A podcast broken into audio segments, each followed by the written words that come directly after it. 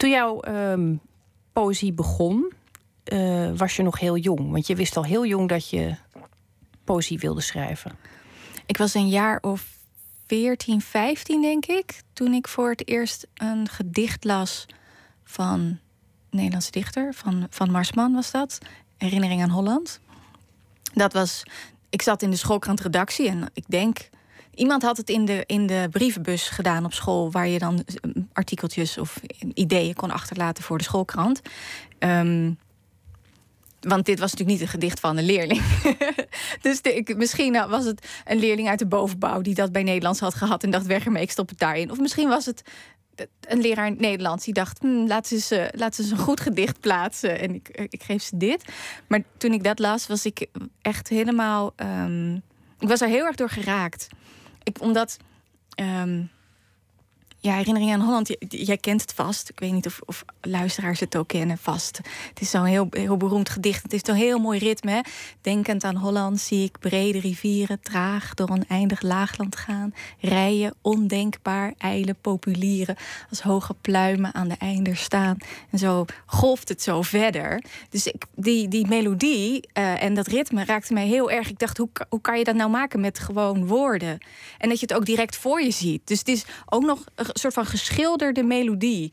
En uh, ik was echt zo van mijn stuk. Ik dacht, wauw, dat is, dat is het hoogste lijkt haalbaar in de kunst of zo. En daarvoor was ik altijd al bezig met tekenen. Ik had ook wel dromen richting de mode. Ik wilde misschien wel modeontwerpster worden.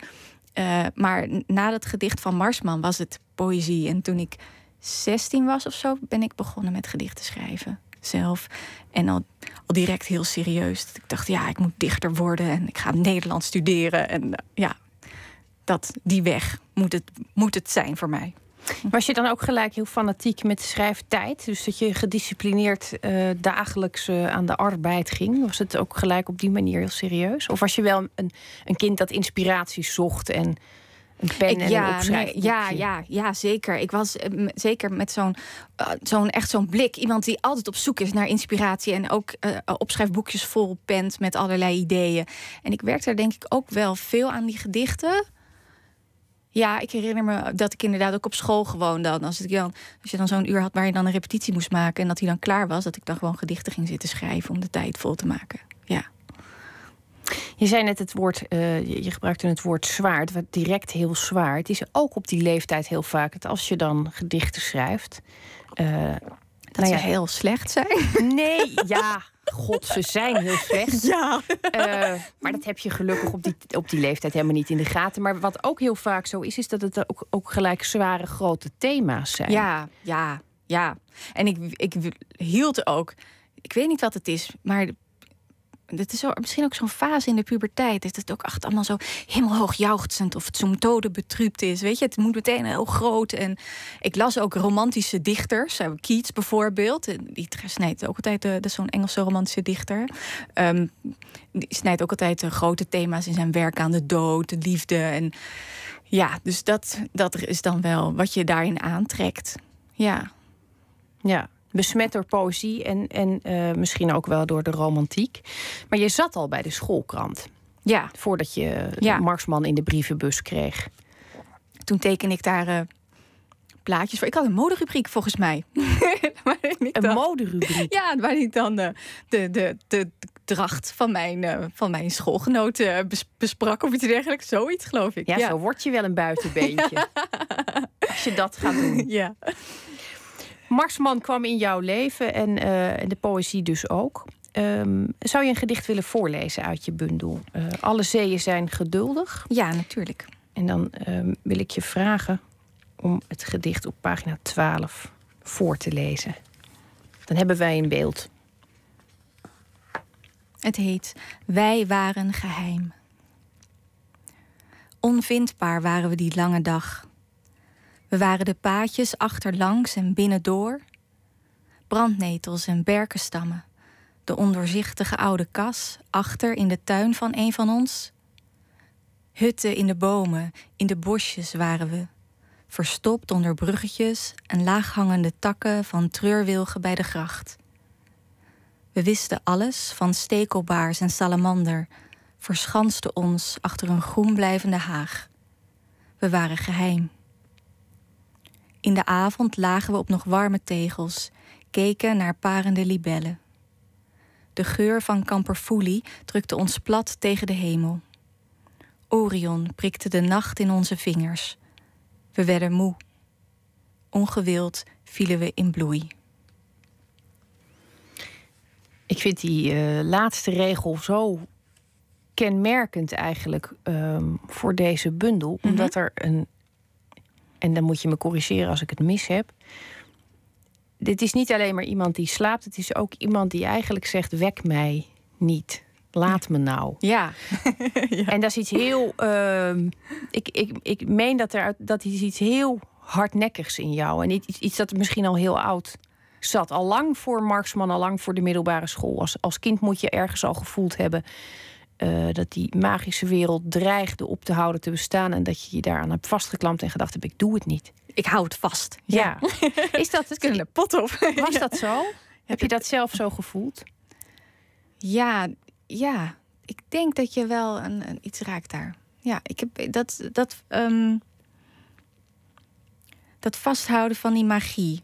Dat ik dat. Uh, ik herinner me bijvoorbeeld zo'n grappig voorvalletje uit, uh, uh, uit dat ik um, ik een jaar of elf was. En met mijn vriendinnetjes dacht van... we moeten eigenlijk iets bijzonders doen... om het einde van onze kindertijd te markeren. Want vanaf hier is het over. Ja, zoiets. Dus ik denk... Ik denk dat dat wel klopt. Wat deden jullie toen? Weet je dat nog? Wat nee. was het ritueel wat nee, erbij hoort? Nee, geen idee. Dat, dat is compleet uh, in, in opgelost. Maar ik weet wel dat ik heel sterk voelde... we, we moeten iets doen, want anders is het weg. ja. Het is, dat is merkwaardig dat je dat zegt. Want de, meestal uh, ga je ervan uit als iemand heel jong is... Dat, dat, dat impliceert ook gelijk dat je niet beseft dat je jong bent. Zodra je gaat beseffen dat je jong bent... Ben je het niet meer. Ben je het eigenlijk al niet meer. Ja, dus het was al over. Hè? Dus je wist al... het was eigenlijk al te laat. het was, je was te laat. er is zo'n fase in je leven, volgens mij eindigt het rond een jaar of acht, negen. Die magische leeftijd waarop je ja. ook, ook met, met boeken. Uh, de manier waarop je kunt huilen om een, om een boek op je achtste of negende is heel, vind ik altijd een heel cruciaal punt. En daarna is het, is het. Kun jij je boeken herinneren in die periode? Was jij, was jij ook nog een lezer, los van het buitenspelen? Heel erg. Ja, ja, ik was heel erg een lezer. Want um, ik had gewoon veel tijd voor mezelf nodig en ook rust om even bij te komen van al die indrukken van buiten. dus ik was ook veel op mijn kamer, ook veel aan het lezen. En ik had een moeder die ook veel voorlas. Eigenlijk elke, elke dag tussen de middag bij de boterham werd, werd, werd gelezen uit Roald Dahl, uit uh, Geschmid, uit uh, Paul Biegel. Dus al die, alle, ja, die hebben allemaal wel grote indruk. En dat waren ook de boeken die ik dan zelf ook las. Die ja, die leeftijd wel. Later ook Thea Beckman. Ook verslonden, al die historische romans. Dus, maar ik weet wel dat... Um, ja, Paul Biegel en, uh, en Roald Dahl zijn wel in die periode belangrijk geweest. Ja. Als je nou zegt, ik, ik, ik wilde met die vriendinnetjes een ritueel doen... omdat onze kindertijd was uh, afgelopen. Waar was je, wat, wat, wat voelde je uh, dat, dat je ontglipte? Wat, wat gleed er dan uit je handen wat je eigenlijk wilde vasthouden? Misschien ook wel een soort ja, in iets, iets van ongedwongenheid en vrijheid. Omdat je ziet als dat uh, volwassenen verantwoordelijkheid dragen. Ik weet niet of je dat echt wel kunt beseffen. Misschien ook al wel. Ja, en dat je bang bent uh, dat je. Um, dat je die vrijheid in dat je gewoon kunt doen en laten wat je zelf wilt. Zonder met iemand rekening te hoeven houden. Dat dat weg is. Ik denk dat het misschien daar wel mee te maken heeft. En je moet de wijde wereld in. Vroeg of laat. Ja, ja. Maar ik weet niet of ik daar nou zo bang voor was. Um, want de wijde wereld is ook heel leuk om te ontdekken.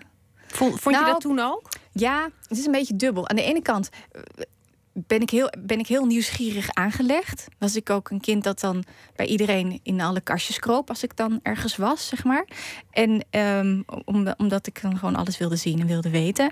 Dus dat, dat is er aan de ene kant. Aan de andere kant was ik ook heel gevoelig als kind. Dus ik was ook snel overprikkeld. en dat zorgt ervoor dat je dan juist weer terughoudender bent. En, en ehm, niet zo ver weg dwaalt. Omdat je toch ook de veiligheid en de rust en de stilte van je eigen kamer nodig hebt. Dat is een beetje dubbel. Je beschrijft je jeugd als buitenspelen met, met, met dijken en weilanden en lezen. Ik denk dan overprikkeld. Je had niet eens een Gameboy, je moest die van je zusje lenen. Waar Hoezo zat, waar zat, waar zat de overprikkeling in? Wat, ja, maar dat, dat, die, die, die, die de omgeving uh, um, was daar niet dat zit in jou. Weet je, dat doet ja, de ene omgeving is misschien erger voor gevoelige mensen dan de ander. Maar het was wel degelijk een bepaalde gevoeligheid, waardoor ik. Uh, ja, zoals, zoals het gaat bij gevoelige mensen, gewoon een, een dag zit gewoon vol prikkels. Als je naar school gaat, zit je in een klas met twintig andere kinderen en er gebeurt van alles en nog wat. En mensen roepen door elkaar en um, uh, je, heb, je, je, krijgt allerlei uh, indrukken van eh, van die dag. En eh, op een gegeven moment is het gewoon vol. En heb je gewoon rust nodig om dat allemaal te verwerken. Ja, dus. En je merkte wel heel snel dat, je, dat, dat anderen dat niet per se hadden. Ja, ja. Ja, en misschien ook net andere. Ik had ook een heel drukke innerlijke wereld. Daar kun je ook overprikkeld van raken, van je eigen gedachten. Ik weet nog dat ik me als kind echt over straat liep in het dorp en dacht: zouden al die andere mensen ook zo'n gigantische wereld in hun hoofd hebben? En stel dat die wereld dan een vorm zou kunnen hebben, hoe vol zou de wereld dan wel niet zijn met al die gedachten als je die zou kunnen zien? Dus ik was ook wel echt een denkertje. Ja. Ja. ja. Goed, toen kwam de, de, de middelbare school. Um, Marsman, uh, zware, uh, grote gedichten. Wat was het in die poëzie dat, dat jou nou deed besluiten, dat is het? Want je tekende, je tekent overigens nog steeds. Je hebt je eigen uh, dichtbundel geïllustreerd en de roman die je geschreven hebt, heb je ook geïllustreerd. Um, hele mooie pointillisme is het, geloof ik. Ja, hele mooie, sobere zwarte pentekeningen met puntjes. Ja. Pentekeningen met puntjes. Ehm, wat was het nou in de poëzie dat, dat het anders maakte dan andere vormen? Ehm, ik denk omdat het zo'n beetje tussen schilderkunst en muziek instaat. Dat ik dat zo ontzettend bijzonder aan vond. Dat het dus een soort van schilderen met woorden is. Dus dat je een hele wereld oproept. In, in je hoofd ook. Voor iemand die heel een ontzettende fantast is en altijd aan dromen is, is dat natuurlijk. Eh, eh, komt dat heel dicht bij hoe, hoe ik zelf in elkaar zit. Dat je ook het op die manier in de wereld zet. En, um, en, en, en het muzikale ervan vond ik ook altijd heel, heel mooi. Want ik, kan, ik ben eigenlijk niet ik weet dat het allereerste wat ik wilde worden, was ik echt heel klein, maar dan willen denk ik alle kleine meisjes willen zangeres worden. Maar ik kan echt helemaal niet zingen. En, ik heb, en, en blokfluitles heb ik ook echt maar een jaar volgehouden. Maar ik kan wel een ritme maken en een soort van melodie in het schrijven. Ik schrijf ook altijd hardop.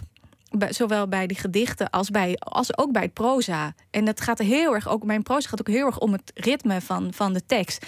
En uh, um, dat is een soort van stroom of een. Uh, die, ja, soort van stroom of een, een melodie die je volgt. Um, dus ik denk dat daar ergens moet het zitten, die, um, die interesse. Voor wie net uh, uh, inschakelt, um, ik ben in gesprek met Ineke Riem over haar poëziedebuut. Alle zeeën zijn geduldig. En ze vertelde net hoe ze onbesmettelijk, on, onge, ongeneeslijk werd aangestoken door de poëzie. Zo moet ik het zeggen. toch kwam er een roman. Ja. En ehm, dan ook nog een opmerkelijke roman. Want het was eigenlijk een. Ehm, ik probeer het aan mensen dan, die hem niet gelezen hebben, altijd een beetje uit te leggen uh, in jouw eigen woorden als een, uh, uh, als een soort. nou ja, beïnvloed door Joe Speedboat van Tommy mm Wieringa. Dus echt een dorp. en, en de gebeurtenissen die zich daar afspelen. Maar dan vermengd met de, de sprookjesachtigheid van de film Amélie. En ik, ik vind die alle twee wel echt terugkeren in je roman. Die sfeer zit er wel ja. In. Ja, dat, klopt ook. Amélie was, ik wilde eigenlijk een soort van Nederlandse Amélie maken. En, en Joe Speedboat was een belangrijke aanleiding om, om te gaan schrijven. Want een van mijn vrienden vond het een geweldig boek. En, en, uh, um, dus ik ging het ook lezen. En ik was het eigenlijk niet zo eens met de, met de visie van de auteur. En ik voelde me daar een beetje door aangevallen. Omdat ik het, Waar was je het niet mee eens? Ja, ik meen me te herinneren dat, dat ik het in het.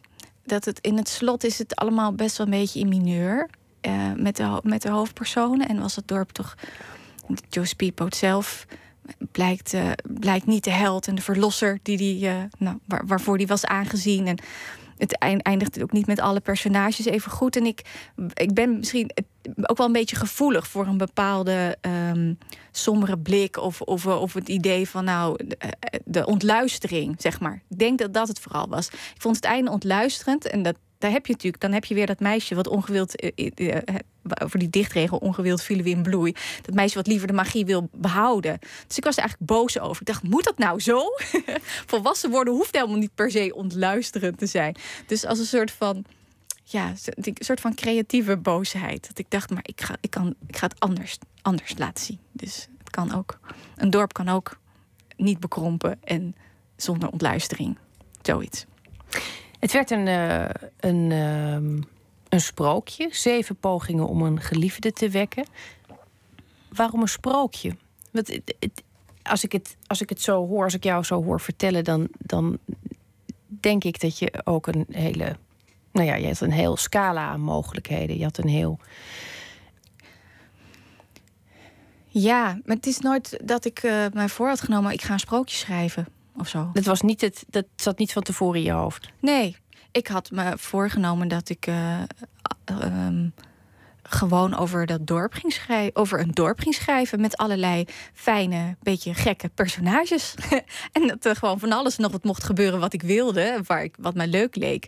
Dus eh gebeurden er heel veel dingen die dan eigenlijk net niet kunnen. Zo'n beetje op de grens tussen werkelijkheid en, en, en, eh, en magie. Dus, en ik had. En ik snap wel dat als het dan af is, dat mensen het refereren aan een sprookje. Of, of omdat je dat magische uit sprookjes kent. En natuurlijk was er ook wel iets ingeslopen van zo'n slapend meisje, wat dan gewekt wordt. Dus ja, oké, dat, dat was iets sprookjesachtigs. Nou ja, dat kwam gewoon in mij naar boven. Het was niet, eh, het was niet eh, opzet of zo, maar dat vind ik wel heel tof aan, aan, aan schrijven. Ehm, en dat merk ik vooral bij proza. Dat als schrijvende eh, ontdek je van alles. En, en komen er dingen naar boven uit je onderbewuste of zo. Ik heb geen idee waar het vandaan komt. Maar ik kijk ernaar, ik denk... eh, ehm, ja, het verrast mijzelf. Weet je, ik ben nu net begonnen met eh, een nieuwe roman. Mijn tweede roman. En, eh, en ik was deze week bezig met, eh, met een hoofdstuk. En ik merkte gaandeweg dat ik de motieven erin zag ontstaan. Terwijl ik die niet had bedacht. En dat is dan zo ja, geweldig dat je blijkbaar iets ziet. ehm, het gaat buiten je hoofd om of zo. Het komt uit een heel andere laag. En dat is wel echt iets heel avontuurlijks aan het schrijven. En ik ben totaal kwijt waar we het verder over over het sprookje. Nou, goed. Nee, het is een heel goed, het is een heel goed eh, eh, antwoord op de vraag. En ik, ehm, wat mij opvalt als ik jou zo hoor, is... ik zie helemaal niet die, ehm, die pretentie die heel veel jonge schrijvers hebben... maar ook de zwaarte, dat het echt heel moeilijk is om te schrijven. En je zit tot, tot diep in de nacht. Je- Ik hoor jou vooral als een ontzettende... Ja, ik, zou- ik zou bijna zeggen als een blije eikel over je eigen eh, werk praten. Het, alsof het niks weegt, alsof het iets, Ja. iets is wat Maar dan hebben we het over proza. luchtig is. Ja, Ja, en eh, dan ben ik benieuwd hoe dat met poëzie zit. ja anders. ja, dat is, dat is wel echt een ander verhaal. Om, eh, ehm, dit, dat proza is... Kijk, poëzie was natuurlijk mijn grote liefde. Eerste liefde. Dat was wat ik wilde. En dat mislukte. Want ik, ik ging Nederlands studeren... en die gedichten die werden eigenlijk altijd afgewezen... bij literaire tijdschriften. En ehm, uiteindelijk werd ik zelf zo kritisch... dat elke zin die ik opschreef... die was al niet goed genoeg... of daar viel al van alles op af te dingen. En toen kwam er op een gegeven moment helemaal geen zin meer.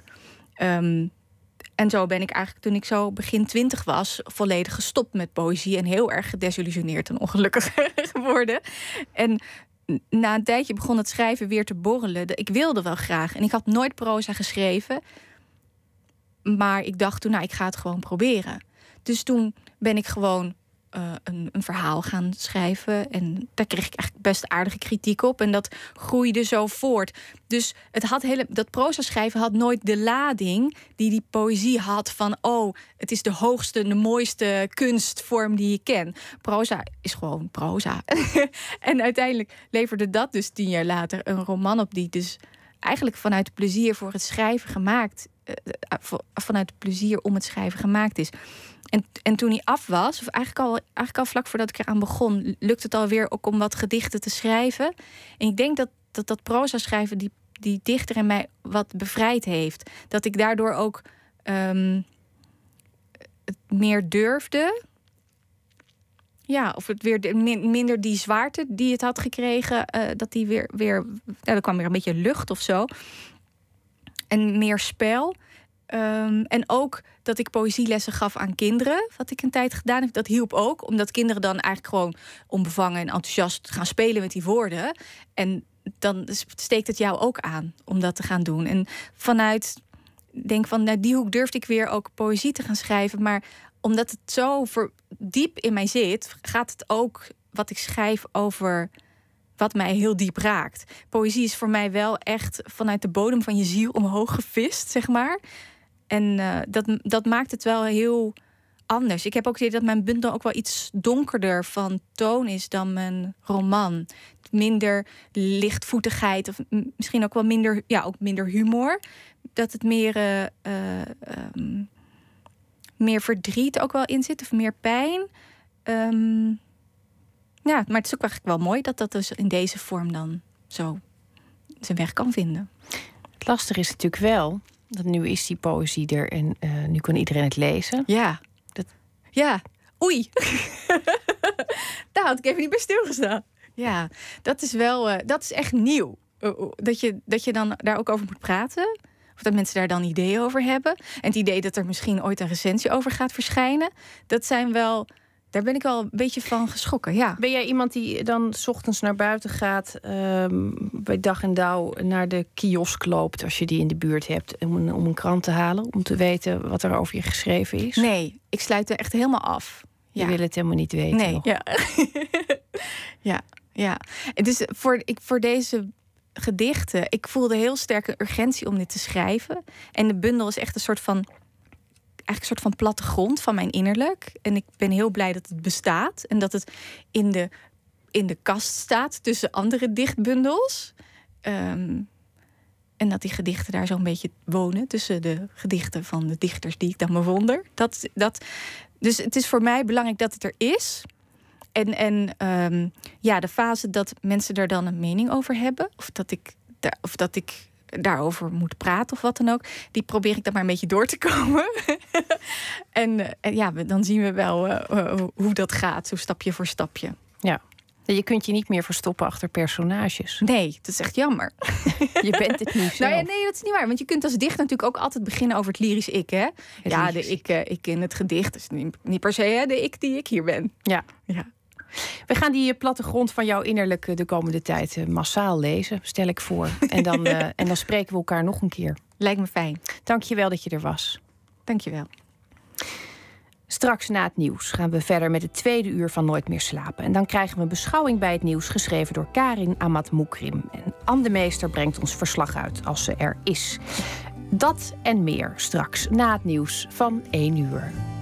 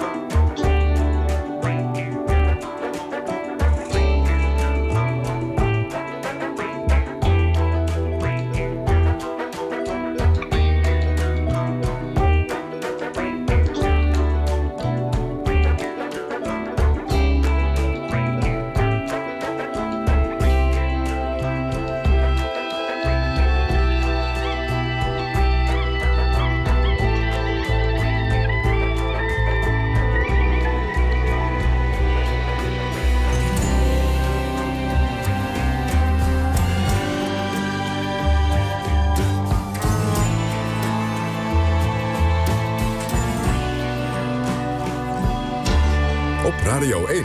Het nieuws van alle kanten.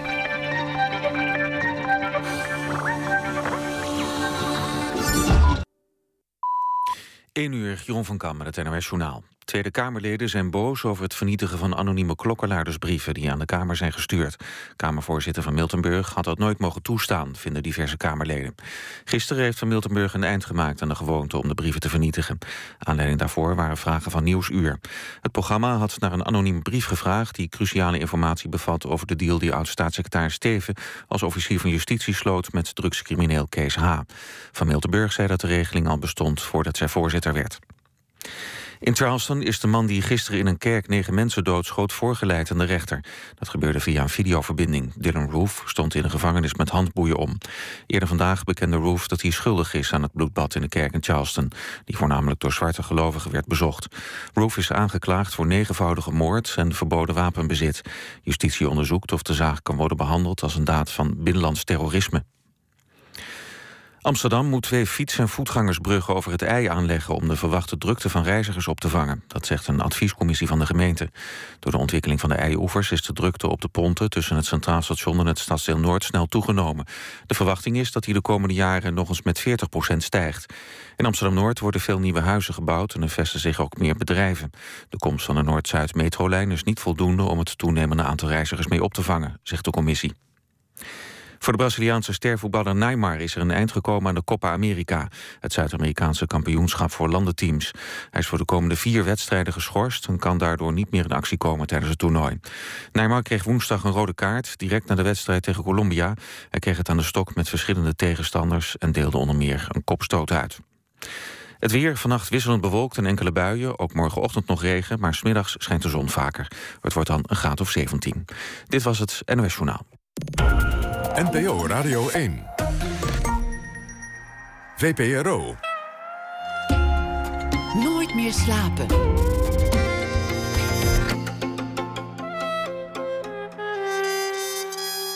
Met Esther Naomi Perquin. Goedenacht en welkom terug bij Nooit meer slapen. Als organisator van extravagante feesten was Michael Elik provocateur en koning van het New Yorkse nachtleven van de jaren 90. Toneelgroep Oostpol heeft nu een voorstelling over hem gemaakt, Party Monster. In Nooit meer slapen spreken we over deze duistere clubkid met regisseur Marcus Azini. En we mochten meekijken bij de voorbereidingen van operazangeres Eva Maria Westbroek voor de promsavond van het Holland Festival. Maar we beginnen dit uur weer met een kort verhaal bij het nieuws. En deze week doen we dat met schrijfster Karin Amat Moukrim. Ze publiceerde tot dusver vijf romans, waarvan de meest recente zijn Het Gim en De Man van Veel. En zij verrijkte ons de hele week met haar mooie stem en dito verhalen. Karin, goedenacht. Goedenacht, Esther. Hoe was jouw, ehm, hoe was jouw tweede dag Ehm, nee, jouw eerste dag na het uh, begin van de Ramadan. Oh, ja, prima hoor. Ik doe zelf niet mee aan de Ramadan. Hè? Nee, dat begreep ik al. nee, dus uh, ik weet wel wanneer het aanvangt, omdat ik dat dan hoor van familie. En ik weet wanneer het suikerfeest is, maar tussendoor. Ik, hoewel ik me gisteren wel had voorgenomen om elke dag een stukje uit de Koran te lezen. Leek me wel een leuke uitdaging, maar ik heb nu alweer gefaald de tweede dag. Ja, Nou, dat suikerfeest mag je dan natuurlijk eigenlijk ook niet, hè? Nee, doe ik ook niet hoor. Nee, nee. nee. Ik weet alleen maar wanneer het, wanneer het, uh, wanneer het gebeurt. Hele lekkere dingen zitten er altijd bij. Had je verder een mooie dag vandaag? Nou, best hoor. Mijn uh, kinderen hadden een, een uh, schoolfeest. Het luidt een beetje het einde van het jaar in. Waar veel ouders op afkomen en veel wijn drinken. dus dat was heel gezellig. En ja, ja. Dat was het een beetje, ja. Heb je tijd gehad voor ons om het nieuws uh, te bekijken? Jawel, jawel, jawel, jawel. Ik, uh, ik zat erg in mijn maag met uh, wat er in Charleston is gebeurd. Ehm, met die schutter in, in die Zwarte Kerk. Ehm, en daar heb ik een stukje over geschreven. Oké, we gaan daar graag naar luisteren. Wat zou er gebeuren als een zwarte man een witte kerk binnen zou lopen... en daar negen mensen zou doodschieten? Het is niet met zekerheid te zeggen natuurlijk, maar we weten wel wat er gebeurt als een zwarte man illegale sigaretten verkoopt op straat. Of als een zwarte jongen wegrent van de politie als hij wordt aangehouden omdat zijn remlicht niet werkt. Of als een zwart meisje van 14 op een feestje is en de politie binnenkomt vallen omdat er een klacht was over geluidsoverlast. Ik wil niet kijken, maar ik zie het toch. Een zwarte man rent weg, een agent schiet hem in de rug, wandelt naar het lichaam en schiet nog een keer en nog een keer in het al stille lijf. Een zwart meisje in bikini op een poolparty wordt met haar gezicht tegen de stoep geduwd, de knie van de agent in haar rug, de loop van zijn pistool op haar achterhoofd. Tieners, geluidoverlast, maar vooral huidskleur. Wat er zou gebeuren als een zwarte man in een witte kerk negen witte mensen dood zou schieten. Daar kan je wel zo'n beetje een voorstelling van maken. Nu, wat gebeurt er als een witte jongen met pro-apartheid-embleem op zijn jas geborduurd... een historische Afro-Amerikaanse kerk binnenloopt en negen mensen daar doodschiet? Ik wil niet kijken, maar ik zie het toch. De politie rekent hem in. Niet door hem tegen de grond te slaan en neer te drukken als een beest. Nee, ze trekken ter bescherming een kogelvrij vest aan... en leiden hem elegant naar de politieauto, het hoofd hoog geheven... een smalle, trotse glimlach om zijn lippen... en dan als hij instapt. Dat beschermende, bijna tedere gebaar van een hand van een van de agenten op zijn hoofd. Opdat hij zich vooral niet zal stoten aan het portier. Arm, blank, verward, kind. Ondertussen doet een witte vrouw zich jarenlang voor als kleurling. Het is een bizarre geschiedenis. Na haar ontmaskering is er dan nu even de schandpaal... maar gelukkig wacht de arme, verwarde vrouw alweer een contract... voor een reality-serie en een lucratieve boekendeal. Wat zou er gebeuren als het omgekeerd zou zijn? Als een zwarte vrouw zich jarenlang voordeed als een blanke. Omdat ze daarmee het gevoel had dat haar stem beter gehoord zou worden. We zullen het nooit weten, want als het mogelijk was om gebruik te maken van de voordeel, voordelen van een lichte huidskleur, dan had menig kleurling het al lang gedaan.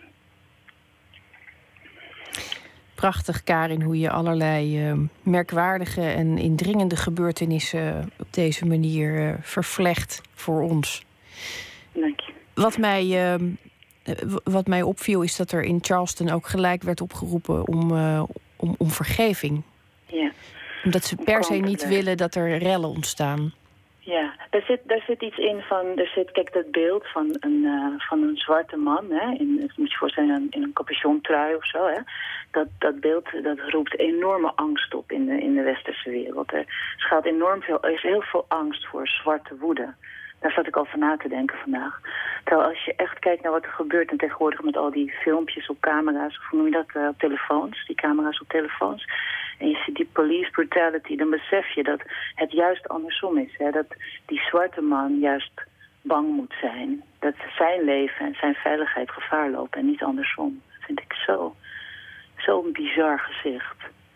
Bizar inzicht eigenlijk. Ja, de, de, de, de, blanke vrouw die zich voordeed jarenlang als een uh, zwarte vrouw. Ik vond het heel mooi dat je dat noemde, omdat ik me ook afvroeg gelijk hoe zou dat ander, andersom zijn. En toen bedacht ik me gek genoeg pas veel later: oh, dat kan natuurlijk helemaal niet. Dat kan helemaal niet. Nee, het zou een heel interessante, een heel interessante casus opleveren als we er iets op vonden. En, uh, en eens kijken ja. hoe dat leven er dan uitziet. Ja. Dank je wel voor je, voor je bijdrage deze week. En ik, uh, ik wens je de komende tijd heel veel nachtrust. Dankjewel. Fijne nacht nog. Dankjewel.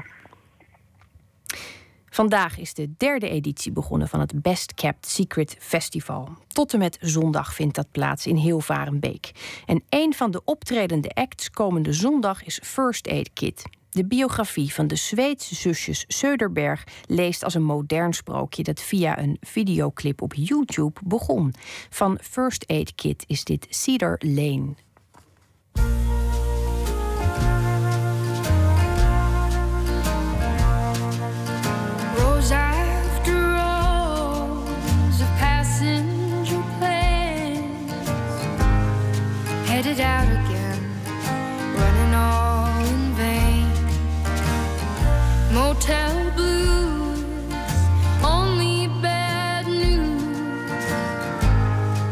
Never looking for you.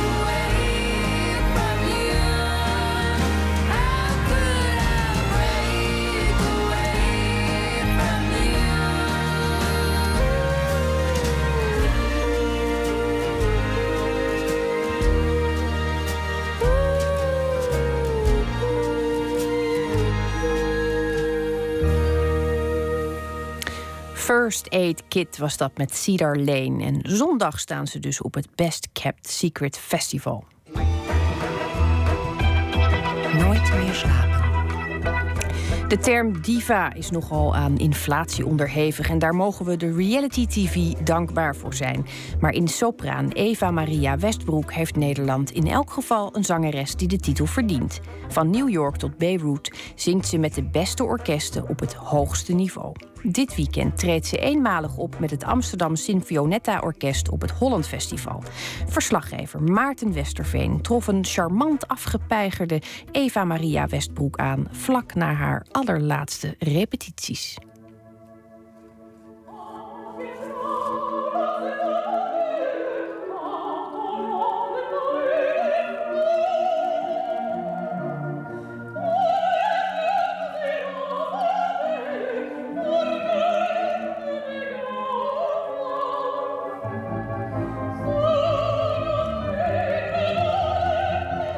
Zing ik eh, Revenons rapportant des fraises. Revenons rapportant des fraises de bois. En dan die laatste zin die doe ik dan even, even langzamer. Dan, eh, en dan moeten we tegelijk weer op die de bois. Weet ik wel. Dus dat is dan het moeilijke. La Nuit d'été is een hele mooie liederencyclus van Hector Berlioz. En ehm, dat zijn eh, zes liederen, prachtige gedichten. Echt en ontzettend bijzondere muziek. Berlioz hele bijzondere muziek. Dat je altijd denk je, nou, het ligt wel makkelijk in het oor. Maar als je het dan gaat studeren, dan is het altijd net even anders dan je denkt. En eh, het is heel, heel Frans, heel eigen, heel, heel bijzonder. Ik vind het echt een, een enorm voorrecht dat ik dat mag zingen. En met hun, ze spelen het echt fantastisch. En het is zo ongelooflijk om het inderdaad zonder dirigent te doen. Dat je het dus echt als groep, weet je wel, doet. Dat is echt heel erg leuk.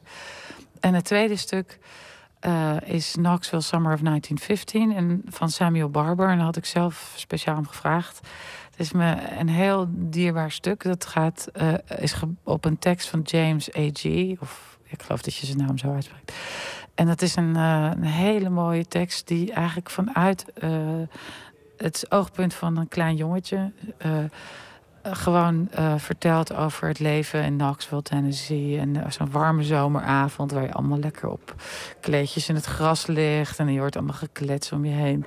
En dan opeens wordt het serieus. En dan eh, zegt hij. eh, Weet je wel, gaat het er eigenlijk over dat niemand doorheeft als je zo daar lekker ligt, wat voor drama's er kunnen gebeuren. Want het, het is gebaseerd op een stukje uit het boek ehm, eh, Death in the Family van James A.G. En dat gaat over zijn eigen vaders, gebaseerd op zijn eigen leven, die opeens een dramatisch verkeersongeluk had en overleed. En wat dat met dat gezin deed. Dus het gaat eigenlijk over verlies. En, en dat je dus zo heel heerlijk, lekker gezellig s'avonds. En weet je wel, met je ouders en je tantes en je ooms. En allemaal heel chill en gezellig. En dat er dan opeens zoiets gebeurt. En eh, ja, dat gaat me heel erg aan het hart, dit stuk. Nou ja, ik vind het, eh, het is echt wel eh, heffig, heftig. Jeetje, ik kan niet eens meer praten. Zo moe ben ik. Nee, maar het is een heel eh, intensief repetitieproces. Ongelooflijk leuk. Heel anders dan wat ik ooit gedaan heb, omdat je geen dirigent hebt. Maar daardoor moet je natuurlijk alles 25.000 keer herhalen. Dus Omdat je allemaal met elkaar moet leren samenspelen. Zonder dat één iemand de maat slaat. En dat is eh, heel interessant, heel erg leuk. Maar ik vind het super vermoeiend natuurlijk ook. Hè?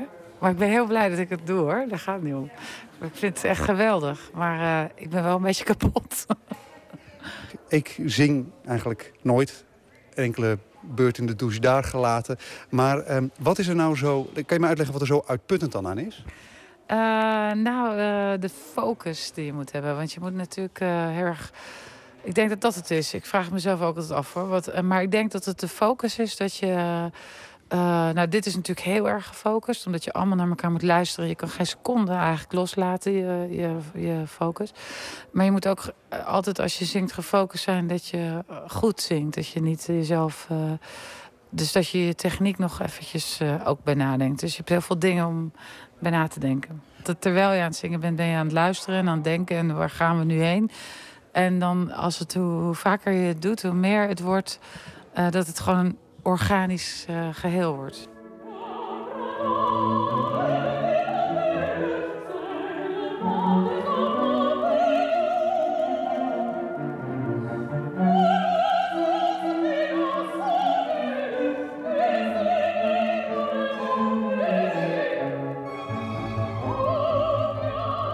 Ik moet ook altijd stukken een aantal keer horen. En de meeste mensen, tenminste, weet je, wel, je traint jezelf wel, dus het gaat al beter. Maar vroeger kon ik het helemaal niet. Eh, dan ging ik naar een concert en dan vond ik het zo overweldigend. En dan dacht ik, eh, waar gaat het eigenlijk over? Weet je, zo zit je daar dan. Dus ik moet ook dingen heel vaak horen. En dat is gewoon de, een beetje de... eh, met opera denk ik dat je daar zin in moet hebben... om je dat soort voorwerk een beetje te doen. Want als je het dan een paar keer gehoord hebt... en je gaat naar de opera en je herkent het... dan gaat het helemaal voor je leven. Dus dat is een beetje het verschil misschien. Wanneer begreep je het voor de eerste keer? Oh joh, dat weet ik niet. Nou, toch wel al toen ik een jaar of... eh, toen ik begon met studeren gewoon. Want dan ga je gewoon de hele tijd naar allemaal muziek zitten luisteren. En dan ga je in plaats van het één keer opzetten dat je gelijk zegt... oh, gaaf. Dan zet je het gewoon drie keer op. En dan denk je na drie keer, oh, wat gaaf. Dus eh, zo ging het bij mij. Maar dat zou, dat zou betekenen dat je bent gaan studeren... voordat je het begreep wat je ging studeren. Nou, ik wou ook eigenlijk wat anders eh, zingen. Voordat ik klassiek ging zingen, wou ik eigenlijk eh, meer zo... eh Mahalia Jackson luisterde ik altijd naar. Billie Holiday. Vond ik heel mooi. En, eh, dus dat wou ik eigenlijk. Maar toen zei mijn juf, zei, nee, je moet echt opera gaan doen. En toen dacht ik, opera, weet je wel. En toen, eh, ja, echt. Maar toen ging ik luisteren en toen was het echt zo'n soort... eh, epiphany van, wauw, wat gaaf.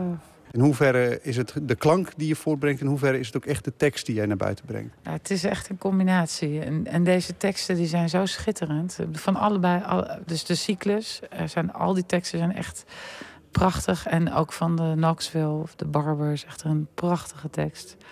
Dus eh, ja, die zijn echt heel belangrijk. En het komt eigenlijk, de muziek, ze zijn ook zo mooi geschreven allemaal. Dat de muziek, weet je, versterkt eigenlijk alleen maar de, de tekst, vind ik. Snap je? Dus het, het een, eh, het wordt heel erg duidelijk. Ik vind het echt heel mooi. Kun je de, als jij aan het zingen bent, ehm, Kun je er eigenlijk van genieten als het opeens echt goed gaat? Hè? Je op een gegeven moment het, eh, de, het orkest eh, raakt juist die goede noot... en je voelt dat, je, hè, dat jij precies op hetzelfde moment het ook weet te raken. Kan je daar op dat moment van genieten? Of zit je dan zo nou als een topsporter gewoon alleen maar daar in dat moment? Hoe werkt dat dan? Ik kan er echt onwijs van genieten. Ik kan het echt, dat is gewoon eh, mijn lust in mijn leven. Als je de flow hebt en mensen en je voelt gewoon dat het, dat inderdaad wat je zegt, dat je iedereen zit erin en, en, het, en het gaat. En eh, nou, dan is er niks zo overweldigend als muziek. En dat je er gewoon tussenin staat. En dat is ook wat zo gaaf als je. Als je een orkest, eh, als je erin staat, of als je er, weet je, dat je een orkestbak voor je hebt en dat je gewoon dat, die hele klank, dat is zo geweldig. En dat je dan zelf meedoet, ja, dat is, is eigenlijk eh, het leukste wat er is, vind ik. Verdwijn je op zo'n moment in het geheel? Of sta je er dan juist nog meer tussen? Word je alleen maar meer bewust van jezelf? Of verdwijn je eigenlijk? Eh, ik denk dat je een beetje verdwijnt. Ik denk dat je gewoon opgaat in, het, in de tekst en in, de, in het moment en in de muziek. Als het goed is. Maar dat lijkt me heel mooi. Ja, dat is ook het mooiste. Dat is, eh, dat is het doel.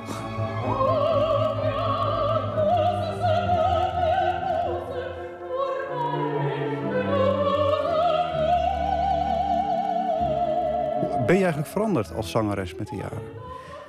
Eh, dat weet ik eigenlijk niet zo goed. Ik probeer, nou, ik, ik denk wel dat je krijgt met ervaring, word je misschien wat rustiger. Dat je iets minder hysterisch eh, bent. En, eh, maar nou, dat valt helaas ook nog wel tegen. Maar ehm, nou, ik weet het eigenlijk niet. Ik heb, ja, ik heb meer ervaring, dus dat is het enige. En je stem aan zich, is die nou, als je nou eh, vroegere opnames hoort... Pik je dan, eh, kan je nog alle jeugdfouten eruit pikken? Of? Eh, ja, soms. Maar soms vind ik het ook eigenlijk... dat de jeugd kan iets heel moois brengen. Iets heel puurs en iets heel... weet je, dingen die je voor het eerst doet, die hebben een soort... ja, dus soms zit er dan allemaal, weet je, is het allemaal niet technisch perfect of weet ik veel wat. Maar er zit dan een soort eh, puurheid in die je natuurlijk daarna niet meer hebt. Ik weet nog, mijn eerste Verdi Requiem ik in een hele speciale plek in Noorwegen. En een heel mooi kerkje met alleen maar amateurs verder, geloof ik. En, eh, en het waren hele mooie van die, van die mooie ramen, weet je, van die uh, glas en lood. Het was echt super. En Noorwegen vind ik sowieso heel bijzonder. En toen deden we daar dat requiem en dat, dat was voor mij zo heilig. Weet je, zo ook eh, bijzonder dat ik dat mocht zingen. En eh, dat, ja, ik heb daar, iemand heeft daar een opname van gemaakt. Dus eh, daar heb ik wel eens naar geluisterd. En dat, nou, dat, sommige noten haal ik helemaal niet goed of weet ik veel. Maar toch voel je die, eh, die, de- ja, dat gevoel erbij was heel bijzonder. Hoe voelt het om gas te geven? Om echt gewoon opeens je stem dan te laten gaan? Wat, wat voel je dan eigenlijk? Ja, als het goed gaat, dan is dat echt rock and roll. Zo voelt dat dan. Dat soort. Zo het voelt gewoon echt heel erg lekker. Ja, is gewoon, eh, maar je moet dus, als je heel moe bent en zo, dan gaan die dingen wat moeilijker. Maar eh, nee, dat, dat is echt eh, heerlijk.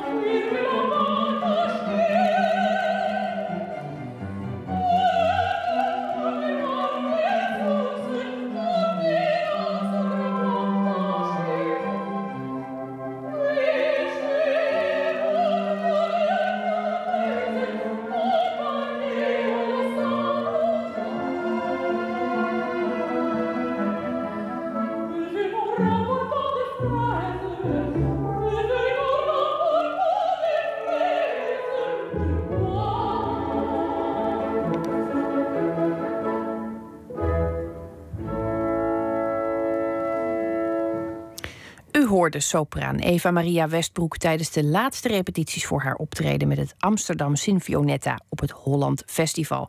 En voor de allerlaatste kaartjes gaat u naar hollandfestival.nl. Een bijdrage was dit van Maarten Westerveen. Het album Live at Carnegie bevat alle nummers die de Amerikaanse zanger-gitarist Ryan Adams afgelopen november heeft gespeeld tijdens zijn twee shows in de New Yorkse concertzaal Carnegie Hall. En dat zijn er maar liefst 42. Een van de nummers die hij ten gehore bracht is Trouble.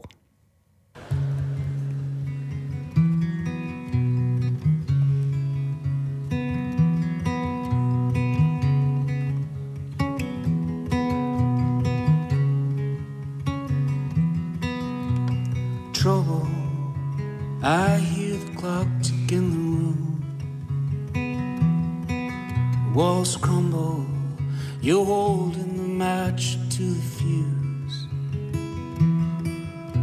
Sometimes I just got nothing left to say. I've been on repeat since yesterday. There's something to lose either way. And hey, we might as well be dead and be gone if we don't belong here. Hey, my face like a map of my sins. Yeah, and all the trouble I'm in.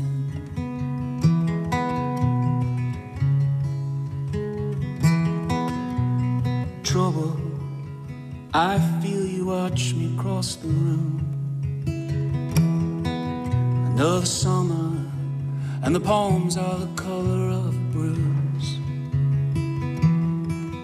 Put my hand through the mirror, let the water run. Seven years bad luck is better than none. Like following the bullet back into the gun. Well, we might as well be dead and be gone if we don't belong here. Hey, there's a year and a day, the lines on my face like a map of my sins. Yeah, trouble I'm in. The trouble. Yeah, all the trouble I'm in.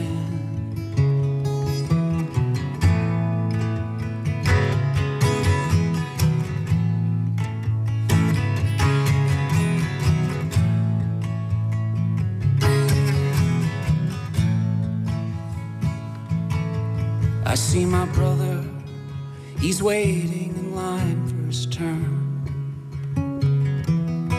I'm not as humble, I know everything here's gonna burn. Sometimes I just got nothing left to say. I've been on repeat since yesterday, and there's nothing to lose either way.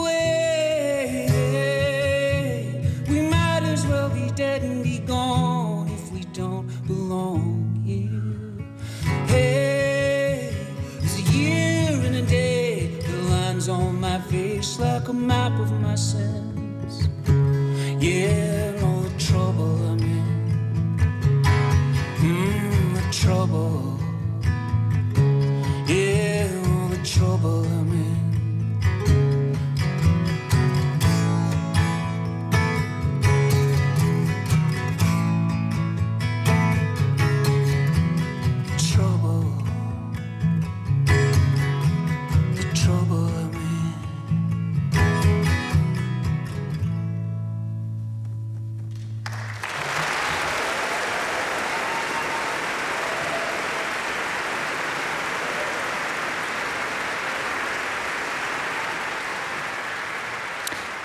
Trouble was dat van Ryan Adams. En dat is niet te verwarren met Brian Adams. Deze versie werd live uitgevoerd in de New Yorkse Carnegie Hall.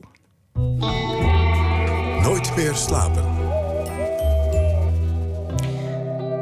Napoleon Bonaparte is misschien wel de meest gedocumenteerde persoon uit de geschiedenis. Er zijn boeken verschenen over zijn schoenen, zijn broeken, zijn vrouwen en zijn geslachtsorgaan. Gisteren was het exact 200 jaar geleden dat de slag bij Waterloo plaatsvond, waar Napoleon definitief werd verslagen. De Vlaamse schrijver en conferencier Bart van Loo, die zelf ook een boek schreef over Napoleon, bespreekt deze week bijzondere boeken die over de Franse veldheer zijn verschenen.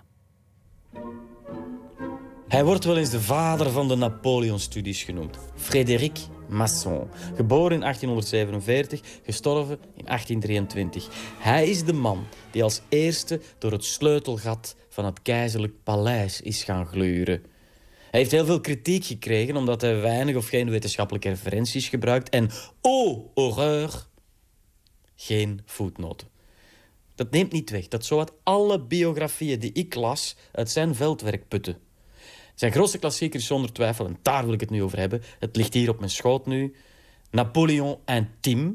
Het is de heruitgave van de klassieker Napoleon chez lui. Dat klinkt nog intimistischer. Uit 1894. Een klassieker.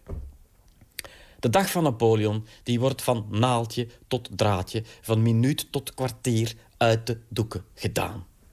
Hij laat zich wekken om zeven uur, leest de kranten en politierapporten.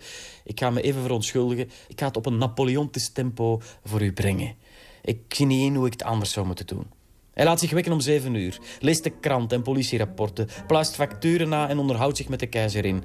Vanaf acht uur dicteert hij de ene brief na de andere aan zijn secretaris. Die secretaris heeft hij nodig. Napoleon Bonaparte wordt altijd vergezeld door zijn schaduw. Zijn schaduw is zijn secretaris, want zelf heeft hij een erbarmelijke spelling.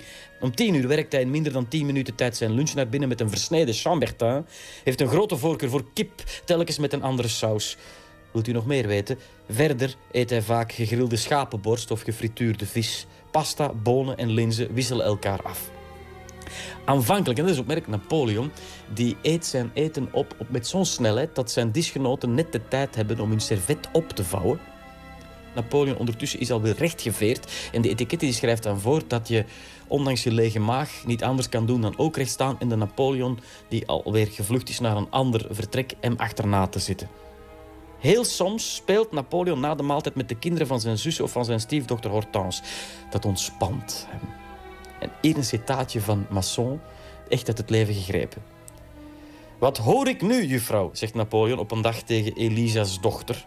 Napoleonne, heet die. Hebt u vannacht in bed geplast? En het vijfjarige meisje antwoordt met uitgestreken gezicht. Beste oom, als u alleen maar onnozelheden hebt te vertellen, ga ik weg. De keizer moet er de hele dag nog om lachen. Daarna houdt hij zich bezig met belangrijke dossiers en bestudeert hij landkaarten. Na de middag volgen minister en andere raden. Hij gesticuleert dat een lieve lust is, monologeert meer dan hij spreekt, geeft eerder orders dan hij discussieert, gaat af en toe staan, loopt weg, komt terug, maakt voortdurend opmerkingen en stelt aan de lopende band vragen. De vooravond dineert hij hooguit een kwartier. Waarna hij nog wat keuvelt met de keizerin en zich de nieuwste literaire werken laat presenteren door zijn bibliothecaris Barbier, die ook bij elke campagne een reisbibliotheek zal samenstellen. Ten slotte werkt hij door tot middernacht, neemt hij de tijd om zijn persoonlijke boekhouding eh, uit de doeken te doen. En dit is onwaarschijnlijk, moet je inbeelden. De machtigste man van West-Europa zit dus rond middernacht over de boekhouding, ook die van Josephine, want die heeft natuurlijk veel te veel uit. Zit hij daar gebogen en zit hij allerlei kleine bolletjes uit te rekenen en na te pluizen. Hij probeert ook nog wat te lezen van Chateaubriand en Madame de Stael tot een fragment van Corneille, een hoofdstuk uit een klassiek werk van Tacitus of Caesar. Slapen doet de man maar in stukjes. Wanneer hij s'nachts wakker wordt, doet hij wat hij eigenlijk het liefste doet. Dat is in een bad kruipen. En laat hij zich masseren door zijn knecht, zijn knecht Constant. En terwijl Constant hem masseert, roept de keizer hem toe... Harder, harder, alsof ik een ezel ben. Twee uur later begint zijn dag weer van vooraf aan. De verdienste van dit boek is dat Masson er als eerste in geslaagd is om in, in een toch ernstig aan Napoleon gewijd boek de persoonlijke figuur Napoleon een plaats te geven. De man die van patrijzenworstjes houdt. De man die drie keer per dag van linnengoed verandert. De man die Masson in dit boek 300 bladzijden lang van nabij volgt. En eigenlijk is de auteur in dit boek gewoon de schaduw van Napoleon. Bart van Loo was dat over Napoleon. En hij las dat op een Napoleontisch tempo. En heeft u zelf nog details over Napoleon of over uw eigen leven die u graag met ons wilt delen? Het is er nu echt de juiste tijd voor. En u kunt ons eh, alles laten weten op Twitter, bijvoorbeeld via eh, VPRO NMS. De Nederlandstalige beatband De Kik en protestzanger Arman hebben samen een album opgenomen genomen, met bewerkingen van de minder bekende Armand-liedjes zoals deze. Waar is je glimlach?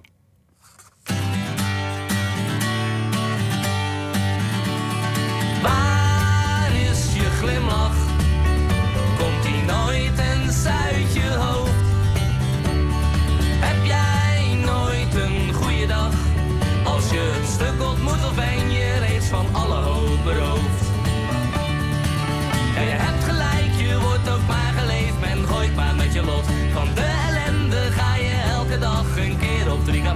Moet wel een opgave zijn, vooruit te kijken naar een dergelijk zielig slot.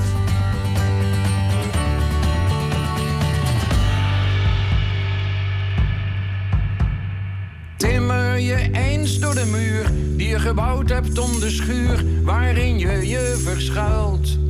Waarin je slaapdronken jezelf beklaagt. Dat je altijd hebt versaagd, terwijl je een deuntje huilt. Terwijl je een deuntje huilt.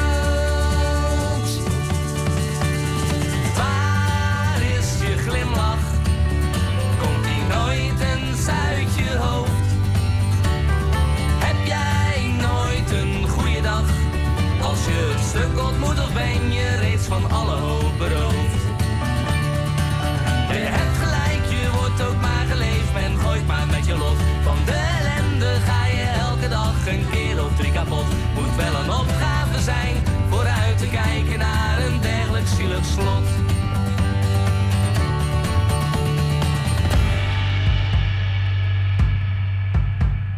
Ben jij nog nooit opgetild? Al had je het eigenlijk wel gewild. Wees eens flink, neem wat tijd. Omturnen doe je niet aan het strand of in een restaurant. Zoiets gebeurt met beleid, zoiets gebeurt met beleid.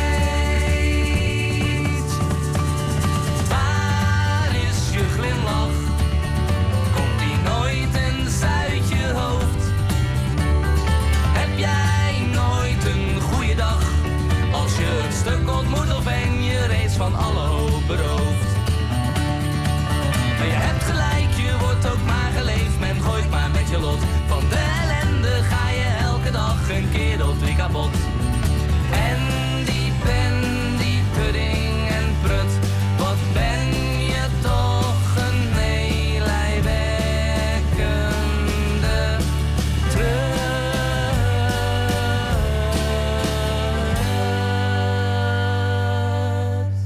Het zal je gezegd worden. Waar is je glimlach? Slanst hardnekkigste protestzanger Armand hoorde u hier samen met De Kik.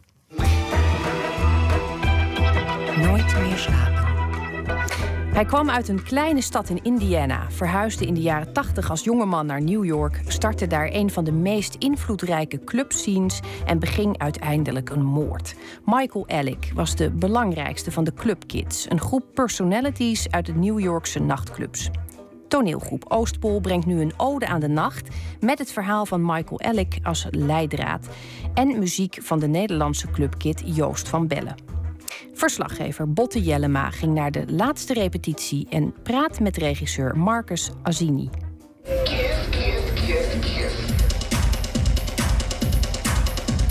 Uiteindelijk komt dit verhaal eh, in een boek terecht hè, van eh, James St. James. Ja. Het leuke is, die twee die bestaan dus ook nog allebei. Ja, ja, gewoon. ja, zeker. Ze leven allebei nog. Wat er niet vanzelfsprekend is als je gewoon in die tijd hebt geleefd met al de drugs en dat harde leven. Party promoter, cash cow van clubeigenaren. Heb je niets te doen op dinsdagavond? Ik heb verzin een feest voor jullie. En eh, Michael Alec, wat de hoofdpersoon eh, is, Ja. de clubkid nummer 1 zullen we maar zeggen, Ja. die is ook net een jaar geleden of zo is hij vrijgekomen. Ja.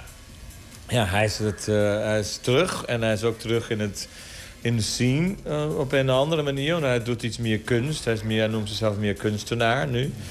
En hij heeft een website waar hij honderden filmpjes eh, heeft. Wat hij van alles, van alles bespreekt. Slechte kwaliteit. Ja, hij is echt nog steeds echt knettergek, laten we zo zeggen. En die kunst is ook niet heel sterk, moet ik zeggen. Dus het is niet, zijn kunstenaarschap is nog niet echt... eh, het is een beetje... eh, het doet heel erg aan pop art denken. Maar dan iets minder goed. Ja.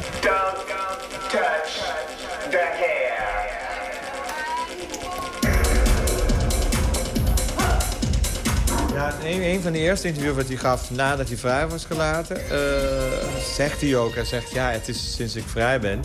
eh, is heftiger dan in de gevangenis. Hij zei, eigenlijk- Interview bij de Huffington Post was dat. Ja. In some ways, it's more difficult than being in prison. In prison, I was sort of very, you know, you know, given like, well, you have the right, you know, the whole day to do whatever you want, basically. And now when I, I come home, it's like, well, you have to do this in five minutes, and here you have to be, you know, you have to be across the street in another five minutes, and you have to be in this train, go into this interview. Maar hij vond het wel makkelijker om daar binnen te zitten. Omdat nu moest hij toch even erover gaan praten. En berouw tonen en, eh, en et cetera. En dat, als je het sinds in een interview ziet... dan hoor je dat ook niet. Hij zegt het, maar je voelt het niet. Nothing I can ever do is going to ever make up for it, and nothing I do is going to make up for it. But because of that, I thought, well, I might as well just use drugs. I'm, you know, it doesn't really matter what I do because, you know, because I did the worst thing already. Hij vindt denk ik wel dat het moord toch even een deel was van het verhaal. En dat hoorde erbij en dat was het. En hij was ook zo high. Als, ik zou me niet kunnen voorstellen hoe high. Hij zegt dat hij echt iets van zeven pakjes heroïne had gebruikt... op het moment dat hij eh, de moord heeft gepleegd. Dus ik kan me voorstellen dat hij ook, als hij terugdenkt aan de moord... dat hij niet helemaal kan voelen... omdat hij was buiten zichzelf, als het ware. Dus het, ik kan me voorstellen dat heel schizofreen, heel vreemd moet het zijn. Stel, je ontsnapt dus gillend en wapperend met je vleugeltjes uit die woestijn ergens in de Midwest. Michael Alec, dat is de, de hoofdpersoon. eh small town eh, boy uit, eh, ergens uit het binnenland van Amerika. Trekt naar New York. Want je weet dan, daar zijn mijn mensen. Daar ga ik auditie doen voor de rol van mijn leven. Vanaf je dertiende wist je dit al. Dan hebben we het over 1984, 85, daaromtrent ongeveer. Hij zoekt de glamour en de glitter, maar dan in een soort underground versie. Check even dit, is mijn verschijning klaar voor de media? Werkt hij in print, is zwart-wit? Is het simpel maar shocking? Alles check, check, check, check. Hij wilde echt heel erg bijhoren. Ik denk dat het is zo'n jongen die sowieso echt heel erg gepest werd op school. En, eh, en dus altijd een outsider was. Hij hoorde er niet bij, nergens bij. Heel erg verwend door zijn moeder, denk ik. Een dominante vrouw. Eh, dat zijn allemaal clichés, clichés, clichés. En je zwijgt een beeld binnen. Je valt de ruimte binnen met lekker veel gedoe. Maar hij was zo brutaal en zo weird en, en zo heftig. Kon echt helemaal niks, niks schelen. Niks, niks, niks schelen.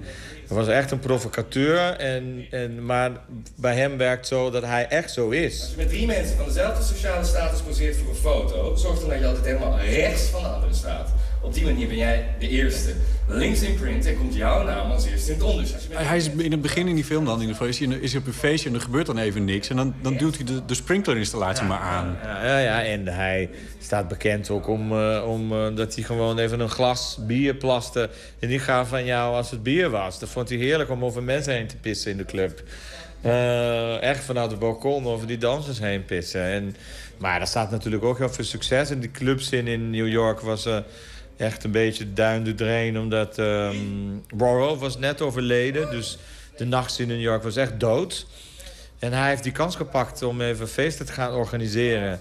En hij was zo brutaal dat er binnen de kortste tijd eh, stond rijden voor de deur. Als iemand je een quote vraagt over je gezworen vijand in de scene, dan zeg je gewoon druipend van de oprechte gevoelens.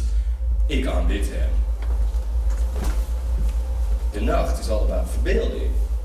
Ja, ja, het was bizar hoeveel mensen wist hij te verzamelen om voor hem te werken. En, en telkens weer outrageous pakken en andere thema's. En ze hebben alles. Ze hebben magazine gemaakt, ze hebben cd's uitgebracht.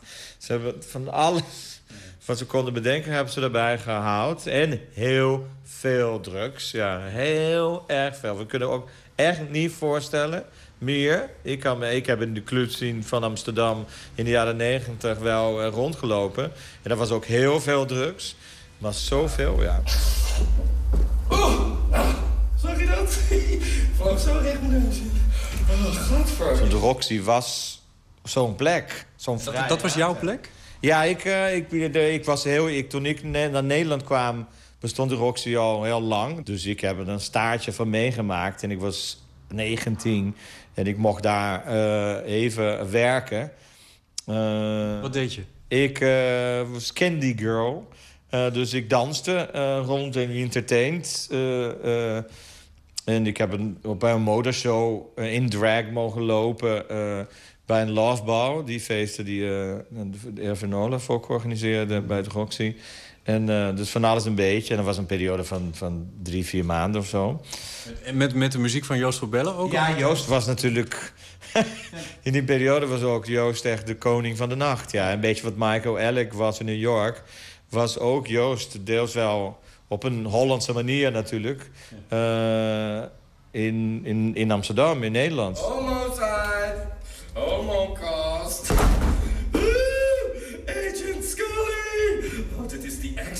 En op het podium zie ik drugs voorbij komen. Ja, nog niet eens per se direct gebruikt, maar er wordt wel veel aan gerefereerd. Ja, ja, ja, zeker. Techno natuurlijk, de, de, de, de technomuziek eh, zien we geblondeerde jonge jongens... in, in rokjes, eh, onderbroekjes, alles komt voorbij. Eh, is, is, is dat waar ik aan moet denken als ik aan, aan jouw tijd in de rockscene moet Ja, denken? nee, het is ook, we proberen ook wel. We leven natuurlijk in 2015. Je denkt dat elke generatie eh, probeert via de nacht te ontdekken. En ik denk dat het de drugs zien ook in deze tijd heel anders is dan nu. Omdat de mensen die nu uitgaan gebruiken één andere drugs. En iedereen is veel bewustiger van alles. Van seks, van drugs, van... Snap je? Al die consequenties daarvan. En in die tijd was denk ik... Fatalistischer? Ja, ik denk dat mensen ook minder bewust waren, waren van de consequenties. Een vriend van me die vrij goed in de, in de, in de popcultuur zit... die vertelde ik dat eh, jullie dit gingen maken. En hij zei, oh, de Club Kids, daar hebben we best veel aan te danken. Ja, dat denk ik ook wel. Ja, ik denk het is ook veel. eh, muziek is in die periode natuurlijk enorm ontwikkeld. Zoveel nieuws. Ik bedoel, Nederland is daar echt een heel groot voorbeeld in, in, de house scene. En Joost electro- voorop. Ja, met Joost voorop. Eh, en, eh, en die feesten en die, die meer waren dan alleen een feestje creëren. waren echt manifestaties. Eh, dus je bijna kunnen zeggen waren kunstmanifestaties. Die niet om kunst die je kan kopen en, of naar kijken, maar gewoon was heel een creatieve vrijplaats. Ja.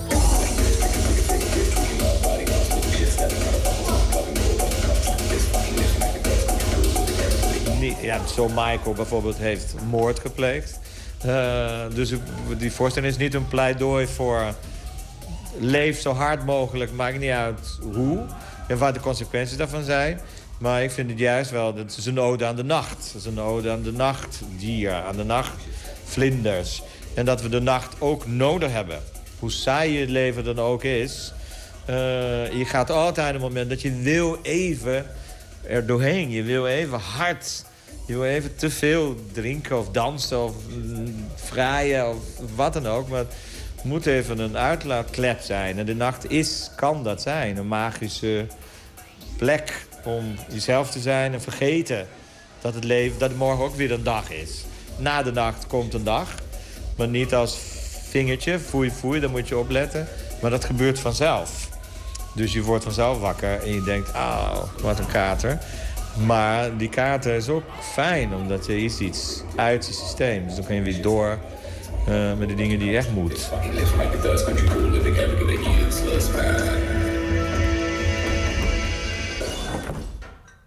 U hoorde Marcus Azini, de regisseur van het stuk Party Monster van toneelgroep Oostpol. Het speelt sinds gisteren op de parade in Rotterdam. En de voorstelling reist mee met de parade naar Den Haag, Utrecht en Amsterdam. En is daar steeds maar een paar dagen te zien. De Amerikaanse Marlena Shaw moest heel wat meemaken voordat ze veel succes had. Een moeder die niet wilde dat ze artiest werd, vijf zwangerschappen, een mysterieuze ziekte die haar stem aantastte en een mislukte auditie voor een van de grote bazen van het legendarische Columbia platenlabel.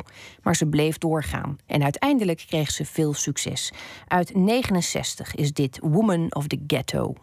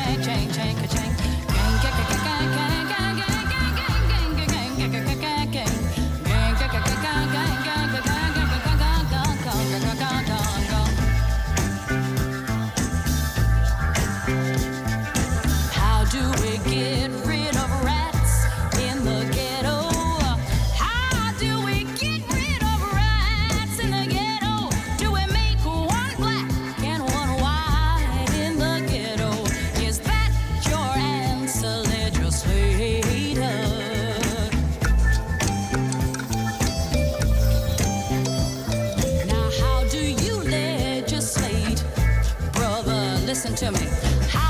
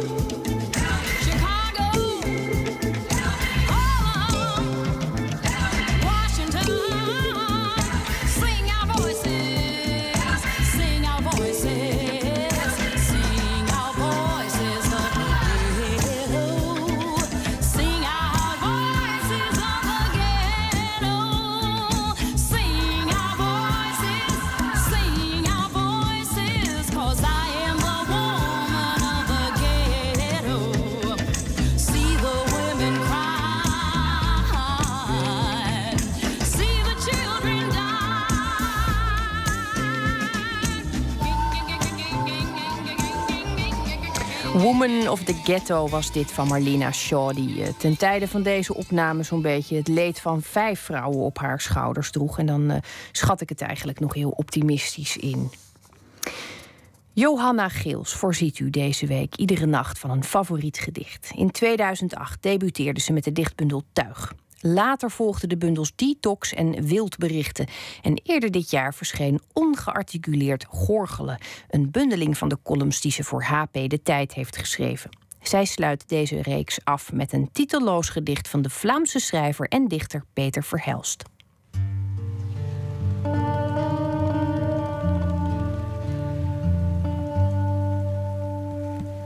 Dit gedicht is van Peter Verhelst. Ik ben eh, groot fan van Peter Verhelst. Het is geen bange dichter. Hij schuwt de randen niet, kijkt er soms ver overheen, maar vallen doet hij nooit. In mijn optiek blijven veel dichters hangen in observaties, in verbazing, maar Verhelst springt midden in het vuur en strooit van daaruit onverschrokken bezweringen in het rond. Dit gedicht komt uit zijn bundel Nieuwe Sterrenbeelden. Ik heb het opgestuurd gekregen. Ik weet niet of het een titel heeft, het stond er niet boven. Ik heb het besteld en nog niet gekregen, dus ik kan het ook niet zelf controleren. Dus vooralsnog lees ik het zonder titel voor. Gekromd sta je tegen de branding in. Van het balkon af kan ik zien hoe geschreeuw zich terug in je gezicht slingert. Gutsend in je nek als wild haar.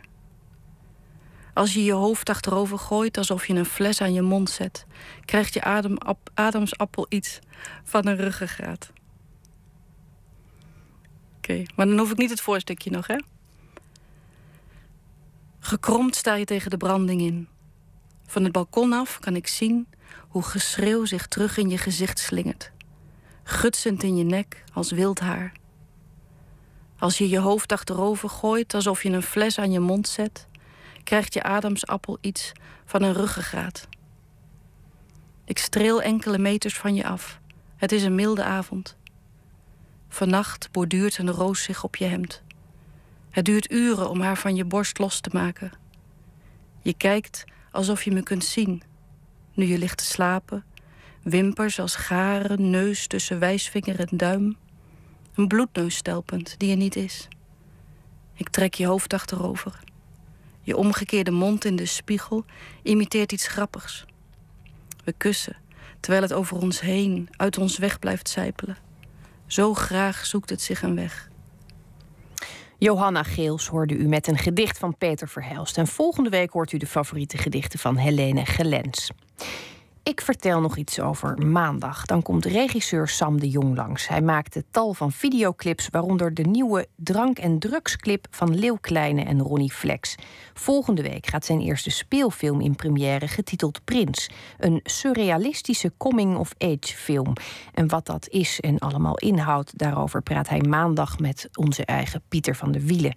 Straks kunt u luisteren naar Woord in de eh, vaardige handen van Maarten Westerveen. Maarten, ehm, wat eh, heb jij vannacht voor ons in petto? Het alternatief, eh, letterlijk en figuurlijk. We gaan het hebben over mensen die het allemaal heel anders aanpakken. eh, of gaten proberen op te vullen die eigenlijk niet gevuld kunnen worden. Ehm, onder andere verplichte vrije seks. Dat is er één. Of, Ben je daar een voorstander van? Ik niet, maar in de jaren 60, 70 waren er zat mensen voor te porren. En ehm, die getraumatiseerde mensen mag je straks allemaal gaan aanhoren. En mensen die eigenlijk willen gaan slapen, die zou ik willen vragen... blijf nog heel eventjes hangen, want vlak na het nieuws komt een prachtig verhaal. En als we toch met dat verhaal de nacht in mogen gaan... dan is het allemaal het waard geweest. Dus blijf nog even luisteren nog, alvast maar 10 minuutjes. Mij heb je overtuigd. Ehm, blijft u straks luisteren naar Woord. En voor nu een mooie nacht.